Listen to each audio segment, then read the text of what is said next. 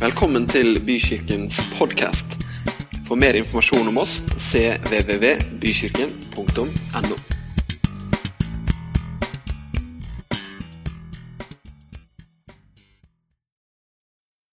Temaet i dag eh, handler om eh, kjærlighet. Eh, og så hadde jeg bestemt meg før jeg var ferdig med hvordan hele talen skulle være, at jeg ville hente inspirasjon et sted som jeg har fått mye inspirasjon tidligere. altså.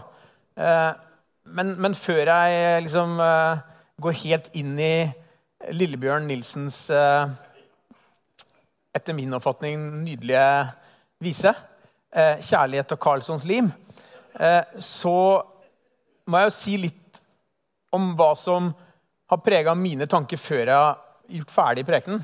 For vi er i en måned som kanskje gjør at vi alle sammen er litt lettere mottakelig for budskap om kjærlighet. Eh, det kan være at det er min eh, den måneden jeg giftet meg, eh, for 21 år siden. Det kan være at det er bare 14 dager siden vi fikk en helt bedårende valp hjemme. Som gjør at det liksom er litt sånn lett å, å være lys til sinns og tenke alt er liksom Alt er veldig preget av kjærlighet om dagen. Men eh, jeg skal komme nærmere inn på både denne visa og det temaet gjennom flere hos meg assosiasjoner til hva Bibelen lærer oss om kjærlighet. Og hvorfor vi i vår tid trenger å minne hverandre på at kjærlighet, det starter med oss selv og i å erkjenne at vi er i stand til akseptere at Gud elsker oss, og at vi dermed også kan få lov til å være glad i oss selv, glad i det livet eh, som er gitt oss i gave. Også med alt det som ikke er perfekt i det. Så starter det et utgangspunkt for å forstå enda mer om hva virkelig kjærlighet er. Noen av dere har kanskje lest Dagens Næringsliv. I hvert fall så fikk jeg eh, en liten øyeåpner og endret på åpningen til eh, talen min fordi jeg leste D2, helgeutgaven av eh, Dagens Næringsliv, hvor det er et intervju med denne Patty Boyd. Og noen av dere som er litt eldre, dere vil jo kjenne igjen henne som en som gikk igjen som liksom virkelig bilde på noe av det vakreste som var. Hun er også var, og jeg vil jo si fortsatt, jeg så et bilde av henne i voksen alder, en flott dame hun har åpenbart vært til inspirasjon for noen av de mest populære pop-rock-kjærlighetssanger som finnes. Eh, og det er selvfølgelig eh, låter fra The Beatles når hun var gift med George Harrison. Som 19-åring møtte hun han første gang. Eh, livet deres var som en eneste sammenhengende tror jeg, opplevelse av å være i regi og i et eller annet prosjekt. Jeg tror det var litt vanskelig eh, å virkelig i hvert fall kunne fortsette med den sikkert forbindelsen de hadde som gjorde at de ble gift. Eh, og så skjer det mye også i den etter hvert enda mer superberømte Beatles-mannens liv. så fins det alltid mange forklaringer for hvorfor et ekteskap ikke holder, men det ryker for George Harrison og Patty Boyd. Men hun blir sammen med Eric Clapton, og det blir ikke noe dårligere kjærlighetssanger av det. Eh, og eh, Vi kan ikke gå inn på alle de, men det er så mye flott av kjærlighetssanger som denne damen har inspirert. Og det fikk meg liksom Dette er jo eh, vår tids, for jeg må kunne si hun er, er jo om ikke hun er en ung dame i dag, så er liksom, hun er vår tids eksempel på kanskje det man i virkelig sånn gammel tid tenkte om eh, Helen av Troy. ikke sant? Eh, årsaken til eh, at det blir krig mellom Sparta og Troja. For så vakker var hun at hun liksom ble røvet bort. da. Eh, eller lokket, eller kanskje til og med var ganske med på det selv. for hun ble nok betatt av denne Paris som lokket henne av sted. Opp gjennom historien så er det mange Uh, og Jeg prøvde til og med å krangle litt med den kunstige intelligensen for å se om det fins også mange mannlige eksempler, men det, det fins veldig mange kvinneskikkelser som inspirerer veldig til poesi rundt kjærlighet. Uh, Edith Piaf skal visstnok bl.a. med sangen 'Non je ne regrette rien' uh, ha en hyllest til den mannen hun elsket, en bokser. så da fikk jeg et litt annet syn på den sangen. Jeg hadde aldri liksom søkt til den på den måten. Eh, men eh, det var for bra å finne ei dame som visste å sette ord på at også menn kan inspirere til, til kjærlighetspoesi. Hvis dere har flere eksempler, kan vi ta det en annen gang. Men, men, jeg sleit faktisk litt med å finne like mange i hvert fall, og like sterke bilder som disse kvinnene som inspirerer menn og kvinner til å skrive om kjærlighet. Men intervjuet med Patty Boyd, som er grunnen til at jeg tok henne opp her, og viser dere forsidebildet som også D2 har brukt, men det er da fra en bok hun selv kom ut med i 2007, hvor hun bruker en av sangene, ikke sant? 'Wonderful'. Eh, som uh, 'Wonderful Tonight', som er Eric Claptons uh, vise skapt mens han sitter og venter på henne. og De skal i, en, uh, i et selskap og er veldig veldig seine. Hun kommer ned trappen og liksom viser han hva hun har tatt på seg. Og han har da sant, bare ikke sant? Du ser helt vidunderlig ut. kom, nå må vi gå. men Patty Boyd hun opplever ikke livet sånn som kjærlighetsfortellingen kanskje til fulle vil at det skal være for oss. To verdensberømte menn til tross, så blir hun 50 år før hun selv sier det som jeg har tatt fram som sitat her. Hvor hun har lenge gått og fått jobba med seg selv og fått et råd av en psykoterapeut om at du bør jobbe med det her og bli glad i deg sjøl og kunne sette pris på deg selv. Så hun fikk det rådet å gå og kjøpe blomster til deg selv. Jeg synes det var litt rart. Var hun egentlig verdt det? Så svarer hun også men jeg begynte å kjøpe blomster til meg selv hver uke. Og med det så kom selvtilliten. For noen år siden jobbet jeg i Utenriksdepartementet, og der kom det alltid blomst en gang i uka til statsråden. Og så sier eh, hun som jobbet eh, på forværelset statsråden, Tove, eh, hun, hun, sier at ja, du vet, når en dame kommer i en viss alder, så må hun kjøpe blomstene selv. det var ikke like romantisk inngang til det, men det fins forskjellige måter tror jeg, å gi seg selv en blomst. Men jeg vil at du skal vite det, at Kirken, menighetsfellesskapet og Bibelens budskap, Jesu budskap til deg, det starter med at du må våge og ville og også jobbe med din egen selvtillit. Selvtillit til å tenke at Gud kan elske en som deg. At ditt liv er verdt et sånt offer. At alt det vi gjør her, er for å ønske sånne som oss velkommen.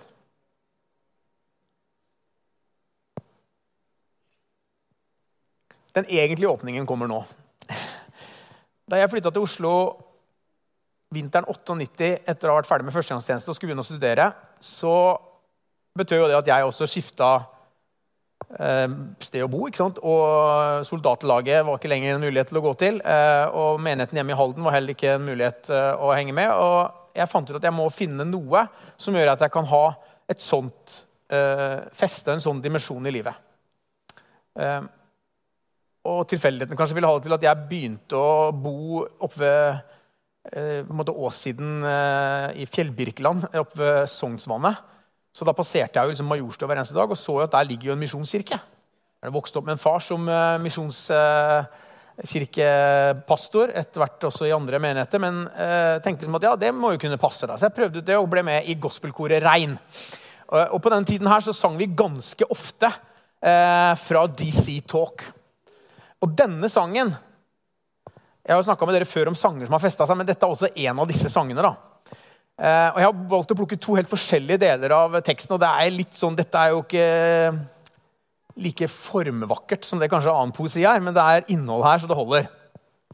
Og Hvorfor de skal skrive 'løv', det er vel for å være litt kul. da, men det, det, er vel kanskje det eneste jeg må ha min innsigelse på DC Talk, er at det, liksom, det vippa litt over noen ganger, syns jeg. da.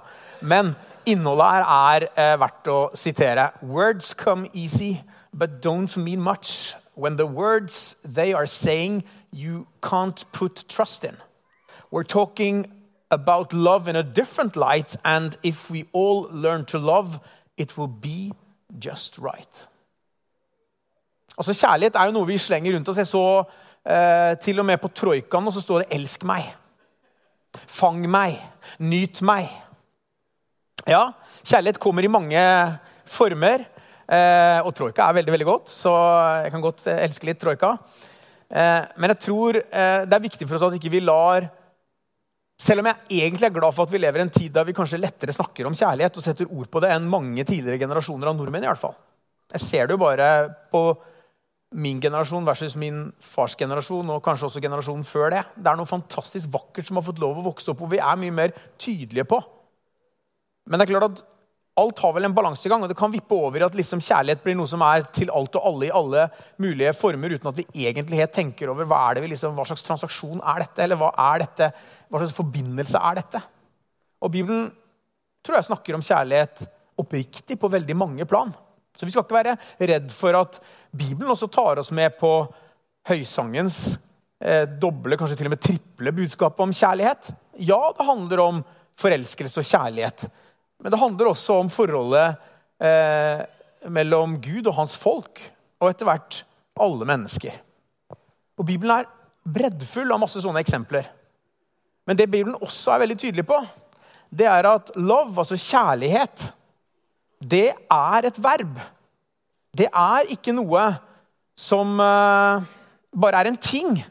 Som det står her, love is a verb. It ain't a thing. It's not something you hold. It's not something you scream when you show me love. I don't need your words. Yeah, love ain't a thing. Love is a verb. Ja, Hva er poenget med det? da? Jo, Det handler jo om å gjøre noe. Det skal utløse noen ting. At du er fylt av kjærlighet. At kjærlighet er ekte for deg. Og Derfor er Bibelen også med på DC Talk sitt budskap. Og det er ikke så rart, for DC Talk er en kristen gruppe. Eh, men for å ta det over i litt mer språkform og bibelform, da. Love is a verb, ja. Se til Johannes. Første Johannes. Mine barn, la oss elske, ikke med tomme ord, men i gjerning og sannhet. Det fins litt forskjellige oversettelser, og her har jeg brukt bibelen.no. Lett når du jobber med presentasjoner.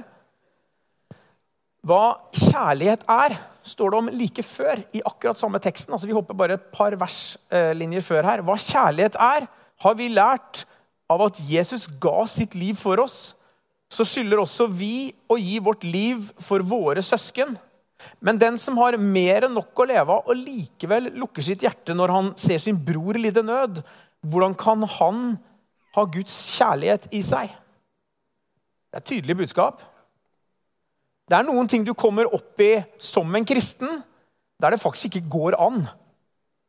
Hvis det du mener bor i deg og skal prege livet ditt, at det ikke også flommer over til noe som tar til handling. Sann kjærlighet utløser handling.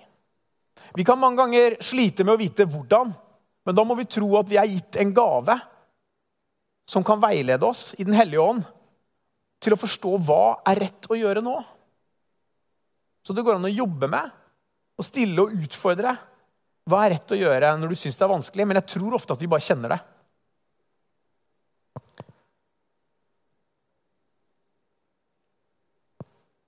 Den egentlige bibelteksten jeg hadde mest lyst til å dvele ved, er fra det første brevet, faktisk.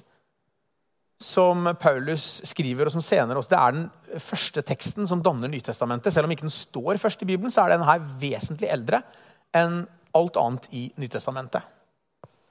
Og Man tror den er skrevet i år 50 eller 51 etter Kristus. Og Paulus bringer jo nå den kristne kirke til Europa ved å etablere menighet i Tessaloniki. Han gjør det både ved å fortsette en vekkelse blant jøder, for det bor jøder, mange, i eh, Tessaloniki. Men han er også med på å bygge en kirke som har både jøder og ikke-jøder som en del av eh, trosfellesskapet.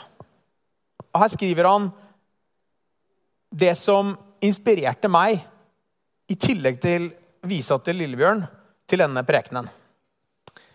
Men her ser du at jeg har valgt en annen oversettelse. Og jeg har gjort det fordi at den, når jeg leser den i den bibelen jeg vanligvis leser fysisk, og ser at den er faktisk ikke, Jeg syns ikke bibelen.no sin oversettelse er like god akkurat her. Eh, så Derfor valgte jeg å beholde det, for det er tross alt det som inspirerte meg. For her står det For slik elsker dere også alle søsken som er i hele Makedonia. Det er jo litt lenger nord her, da. Tessaloniki, nordvest. Men vi formaner dere innstendig, søsken, at dere må bli enda rikere på kjærlighet.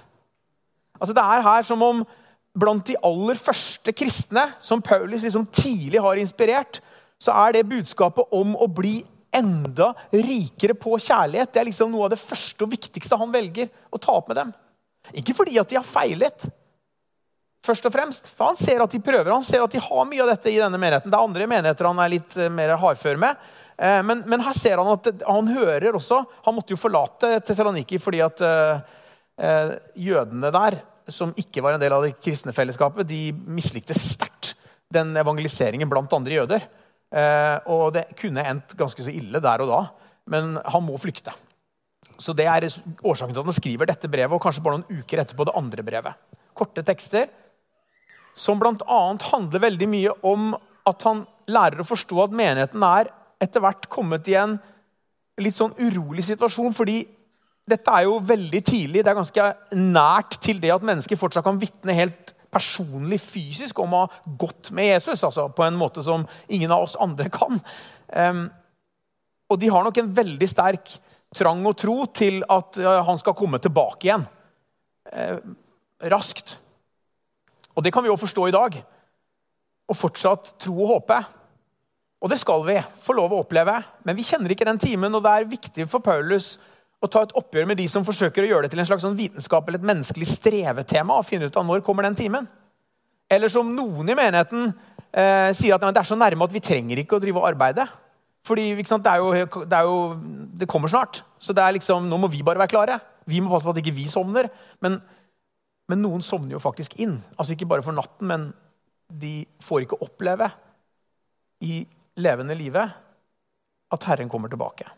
Og Det begynner å skape en ny diskusjon i denne menigheten. fordi hva da? Er det ikke dette vi har ventet på? Så skal vi til og med oppleve at noen av våre aller kjæreste går hen og dør, og så har det ennå ikke skjedd, det som er grunnen til at vi er sammen. Kan kjærligheten vare inn i døden og bortenfor døden? er jo egentlig et tema denne menigheten sliter litt med. Har du svaret på det? Og Bibelen har svaret på det. Men la oss som hører dagen til Det kan forstås på mange sammenhenger her, men, men ta det nå bare vi som i hvert fall er våkne på dagen. da. Men det kan også være vi som faktisk lever.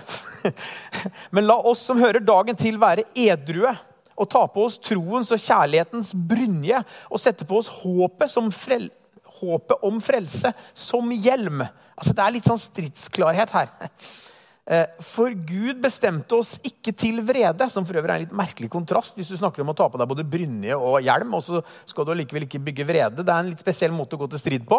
Eh, men det er sånn det er å gå med Jesus. Det er utfordringer i vår menneskelige måte å tenke på. Vi skal, vi skal vendes om til å tenke annerledes. Og I tillegg til da å snakke om at vi skal bli enda rikere på kjærlighet, så er Paulus åpenbart opptatt av å si Gud bestemte oss ikke til vrede. Hvorfor tar han opp det med menigheten? Jeg tenker at han nok forstår at det er noe ved også det å ha fått lov å oppleve kjærligheten som gjør at du kan bli litt sånn innesluttet og tenke at den er vår. Precious. Noe du ikke deler. Noe som bare hører deg og dine til. De som har forstått det, de som er med på kodene, med på notene.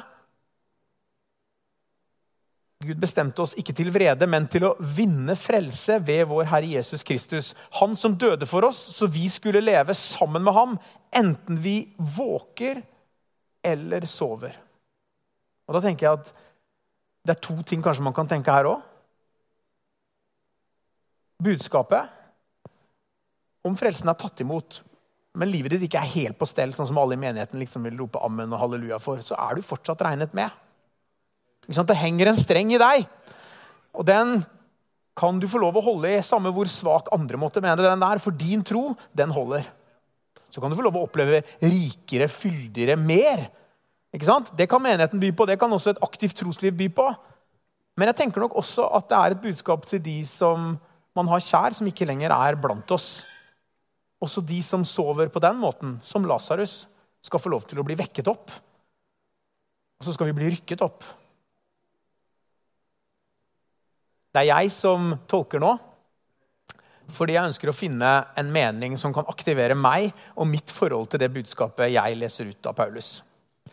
Og det er noe med det å tolke andre som jeg nå beveger meg inn på, og som gjør at jeg skal være varsom. Fordi det er jeg som gjør assosiasjoner nå når jeg har lest og viser dere Lillebjørns vise. For Lillebjørn er nok ikke en som vil holde preken i kirken med det første.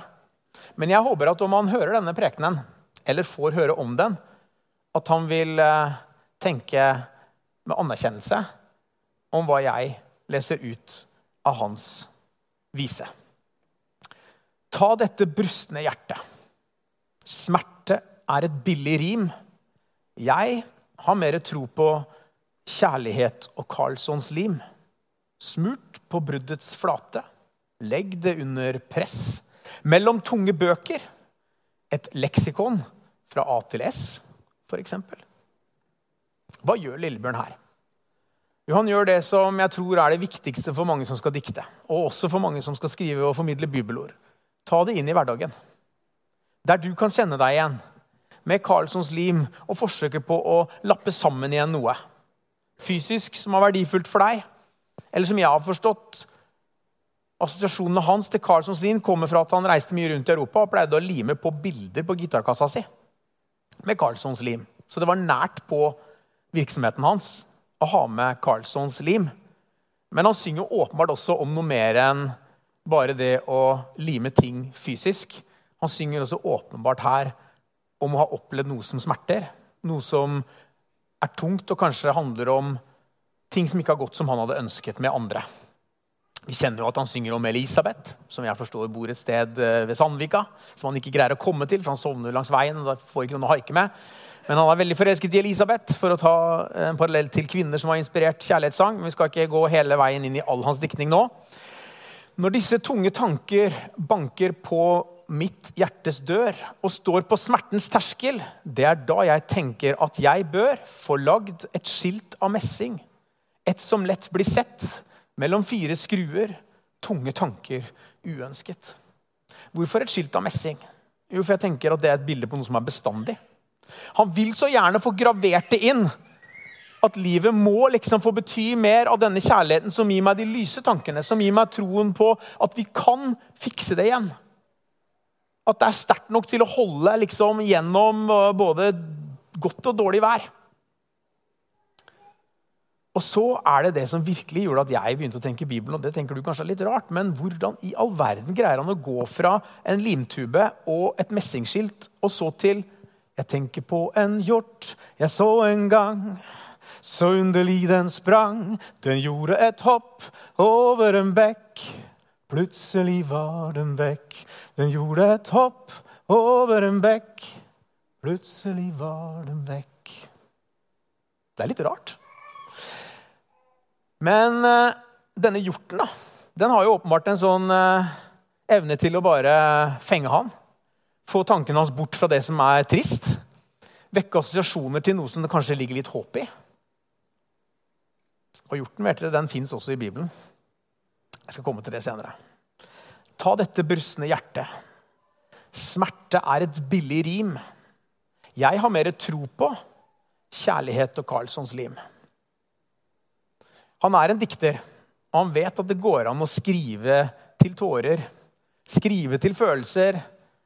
Men det har ikke fiksa kjærlighetslivet hans. Det har eh, kanskje hjulpet mange av oss til å formidle det vi syns er vanskelig å si. Men som også Patty eh, Boyd sa det, mange ganger så opplever jeg nok at de kjærlighetssangene handla vel så mye om den som skrev det, som om den de skrev om. Jeg skal ikke ødelegge de flotte sangene for oss, men eh, hun har nå fått lov å vite at hun er den som har inspirert, og likevel så ble det liksom ikke bare berusende kjærlighet likevel, som varer inn i evigheten. Så Derfor så sier jo Lillebjørn jeg har mer tro på kjærlighet og Carlssons lim. Og vet du, Det har jeg tro på for menigheten også. Fordi Med Carlssons lim så tenker jeg på alt det som er praktisk. Alt det som i hverdagen bygger og gjør dette til et sted der vi kan få lov å oppleve Guds kjærlighet. Sånn på ekte.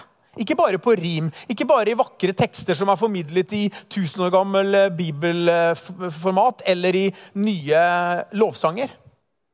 For det holder ikke alltid gjennom alle hverdagers brustne hjerter. Hvis ikke det også fins noen som kan strekke seg ut og legge ting sammen igjen. Noen som kan ta et tak og sørge for at det faktisk skjer noe, ikke bare sies noe ut fra Guds ord. For meg er det Karlssons lim.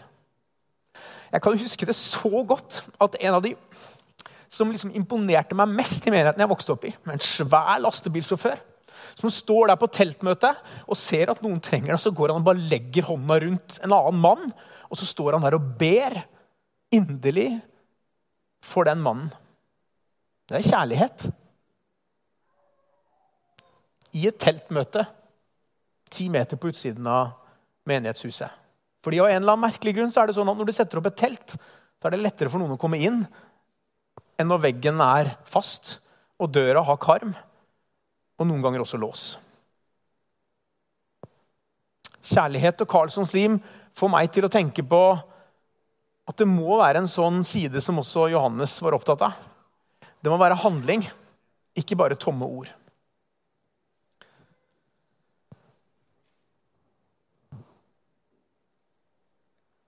høysangen. Min elskede ligner en gasell, en ung hjort. Se, der står han bak vår mur. Han kikker inn gjennom vinduene, gløtter gjennom glitteret. Tankene kan altså spinne oss fra Lillebjørn og rett inn i Salomos høysang. Og med Salomos høysang så fins det masse andre vakre bilder også. Les det. Det er ikke en lang tekst i Bibelen. Det er en tekst som eh, når den presenteres for oss i det formatet her, så står det liksom om det er brudgommen eller bruden. Eller kor, om man vil. Så eh, Det går an å lese den akkurat som du vil tilegne deg masse annen kunst. Som jeg håper du innimellom også smaker på.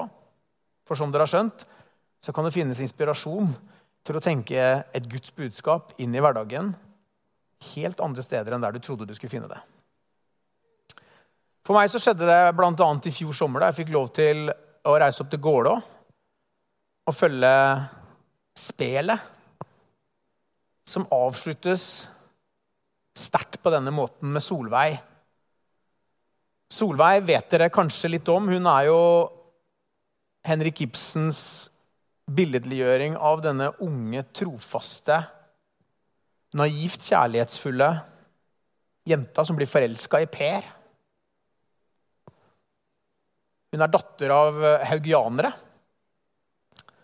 Så det er som om det liksom oser en egen form for respekt gjennom hele Ibsens eh, verk, Per Gynt, av eh, hva som virkelig er kjærlighet fra haugianerne.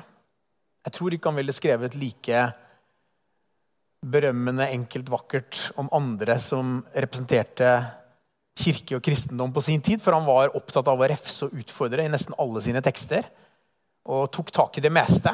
Og kommer aldri med noe som lett bare gir oss et ferdig og tydelig svar.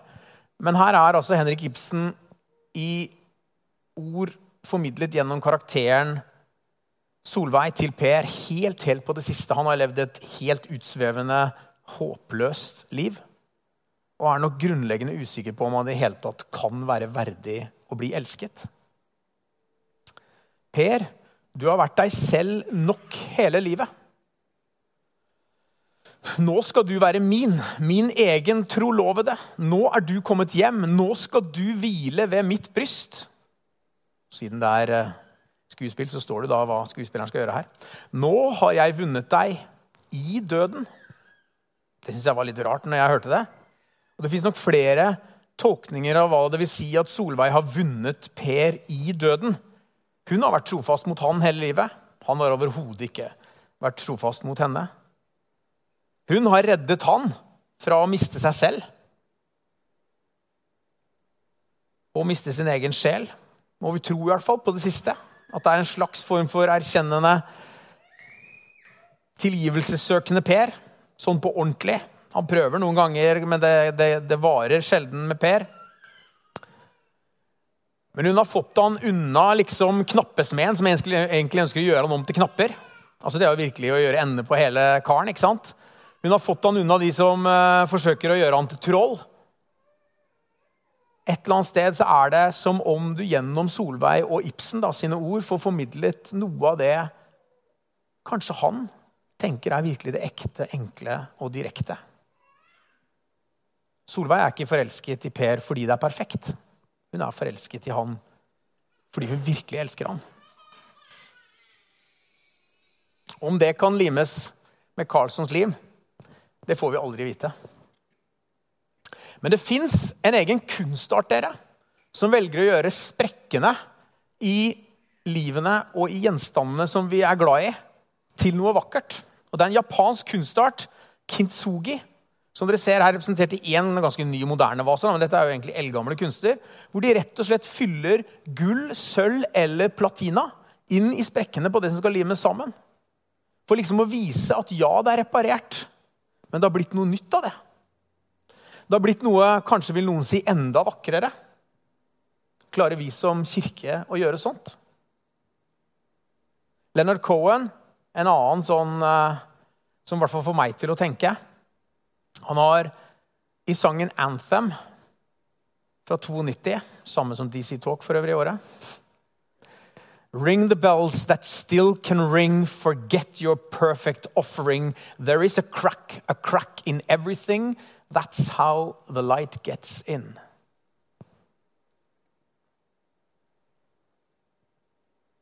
De klokkene som han synger om der, det er ikke noen hvilken som helst klokke. Det er jo de klokkene som kaller på alle. Han har vokst opp med en uh, jødisk mor og far, men han har også vokst opp med en katolsk nanny. Så han har vært i mange klokkeinnringte messer og fått høre budskapet der. Og Kanskje er det som det et eller annet sted enten provoserer ham eller inspirerer ham. Det er også vanskelig å vite. Akkurat som du aldri får noe helt entydig ut av Henrik Ibsen, så får du nok aldri noe helt entydig ut av uh, Leonard Cohen heller. Men det er ganske kraftfullt. Har du tenkt sånn om alle de erfaringene du egentlig ikke er stolt av, og at de kanskje allikevel gjør noe med deg som gjør at du kan være et redskap akkurat slik Gud trenger det? At det går an i en slags overført betydning å legge ting under press mellom et leksikon fra A til S og fikse det som er dine sprekker. Kanskje til og med med gullkant, sånn at du kan bruke det og kjenne at du er elsket. Bruke det og kjenne at du kan være noe for andre. Akkurat sånn som livet er, tror jeg vi trenger at Kirken også greier å være. Åpen om at det fins ingen av oss som er perfekte. Det er nemlig én fellesnevner ved alle de som nok går rundt og har en sånn idé om seg selv, og det er at de ikke trenger Gud. Leonard Cohen har en helt annen sang, for øvrig en sånn kjærlighetssang, 'Suzanne'. Så har han altså en helt sånn, en setning som bare slår rett inn i meg. Fordi han synger om Jesus som en sailor. Og så synger han om at det er jo bare de som synker, som ser Kristus. Istedenfor å fortelle denne historien om at Peter har liksom sviktet i troen fordi han synker, så er det jo virkelig da han virkelig fysisk får kjenne at det er en som løfter han. Hvis vi begynner å gå for mye i oss selv og glemmer at livet det er gitt oss i gave, ja. Men frelsen er også en gave, og den må vi ta imot. Og den kan vi ta imot på nytt og på nytt og på nytt og få den til å løfte oss og bære. Så forstår vi hvorfor det kanskje også er sånn at en helt annen tekst handler om å vinke inn til frelsens havn. Kanskje den kristne sangen som lettest klinger i alle de som også ikke tror. Så er det sånne som Leonard Cohen da, som bringer det til andre og til ettertanke.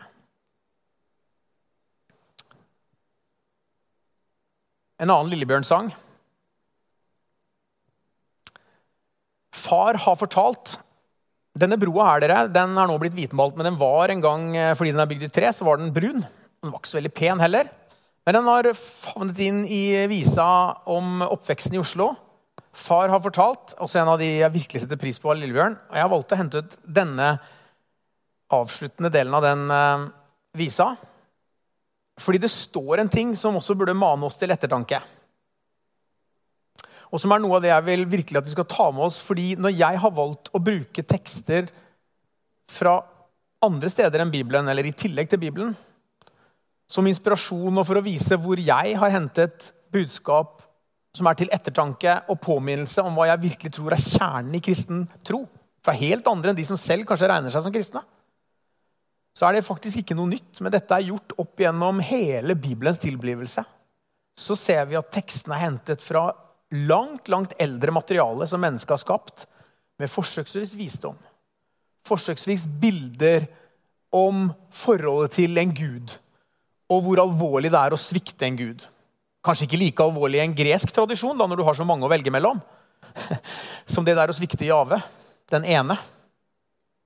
Men allikevel Bibelen er altså både i Det gamle og Det nye testamentet et lappeteppe av kultur og impulser fra rundt de som har vært med å lage den.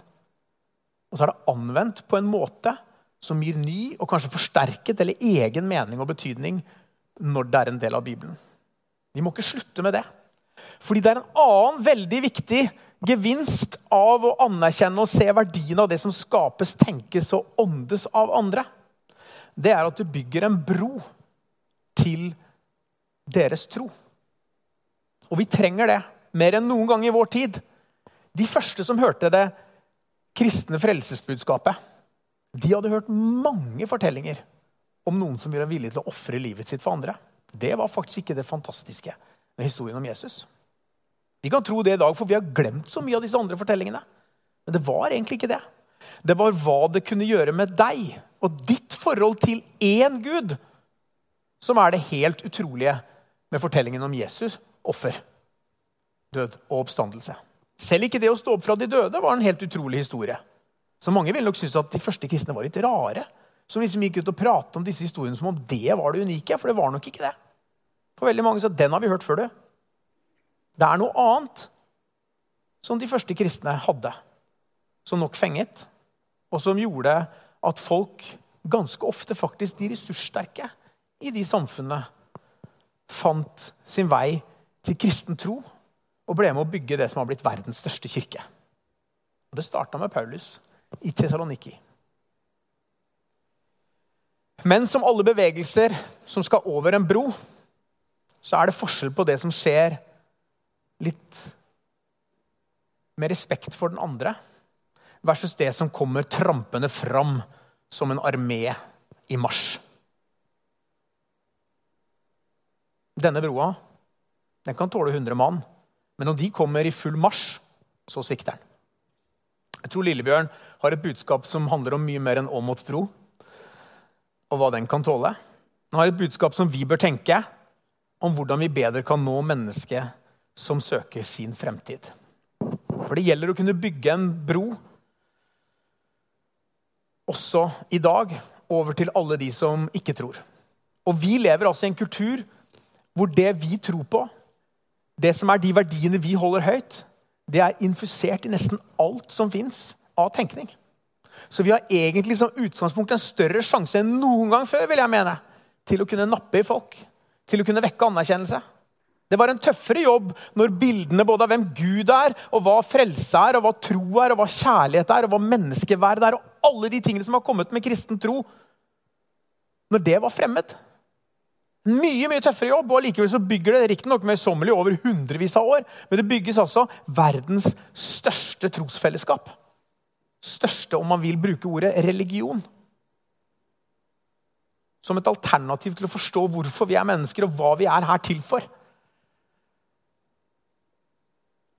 Så har vi nok tåkelagt den broa såpass mye i dag at vi tenker at der på den andre siden så er det liksom ikke kontakt. Det er ikke mulig å nå gjennom. Jeg håper jeg har vist dere at vi trenger ikke å se på dette som et mislykket prosjekt eller en håpløs affære. Det fins overalt. Sånne små drypp av det som noen går og tror kanskje er Nora i Skam, men som egentlig er presten John Watson, som under pseudonymet Ian McLaren skrev helt tilbake i 1897. Be pitiful, for every man is fighting a hard battle. Og så bare elsker jeg at Nora på sin måte henter det fram og er det vitnesbyrdet hun er i skam. Til ettertanke om at det er noe med alle de vi møter, som har en verdighet, men også noen kamper som vi ikke kjenner noen ting til. Så vi skal møte dem med kjærlighet. Og Her skal jeg avslutte med hvordan kan vi gjøre det på den kanskje enkleste måte. Denne teksten hadde jeg med Betweens-barna for ikke så lenge siden. Philip, som en av de aller, aller første som beveger seg ut, kalt av ånden, til å spre budskapet bortenfor det helt nære i geografien. Han får en sånn tilskyndelse. Ånden sier til Philip, 'Gå bort til vognen og hold deg tett opptil den.' Det er denne hoffmannen til den etiopiske dronningen, som han eh, i hvert fall når han kommer nærmere, hører sitter og leser. Og Så hører han at han leser fra profeten Jesaja. Og så spør han forstår du det du leser. Hvordan skal jeg kunne forstå, sier denne hoffmannen, når ingen forklarer det for meg?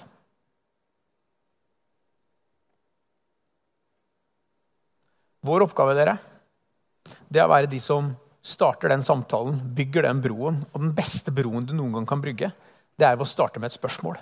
Oppriktig interesse i den som er på den andre siden av det du ønsker å bringe fram, men også lytte til og få tilbake. Philip han får noe tilbake. Han får en anledning til å fortelle mer om hva han leser i Jesaja. Mer om hva det egentlig betyr. Og like etterpå, som Rembrandt her fantastisk på 1600-tallet, 1626, maler det, så får han bringe han til dåp. Det hadde aldri skjedd, mest sannsynlig i hvert fall ikke, hvis ikke Philip våget å stille spørsmålet. Så enkelt kan kjærlighet uttrykkes. Oppriktig interesse for det neste. Et spørsmål hva lurer du på? Hva tenker du på? Hva bryr du deg om? Hva engasjerer deg? Hva inspirerer deg? Og hvis det er Lillebjørn eller Leonard eller Ibsen eller Nora, så fins det kanskje bro til tro for mange flere enn vi tror. Takk for meg.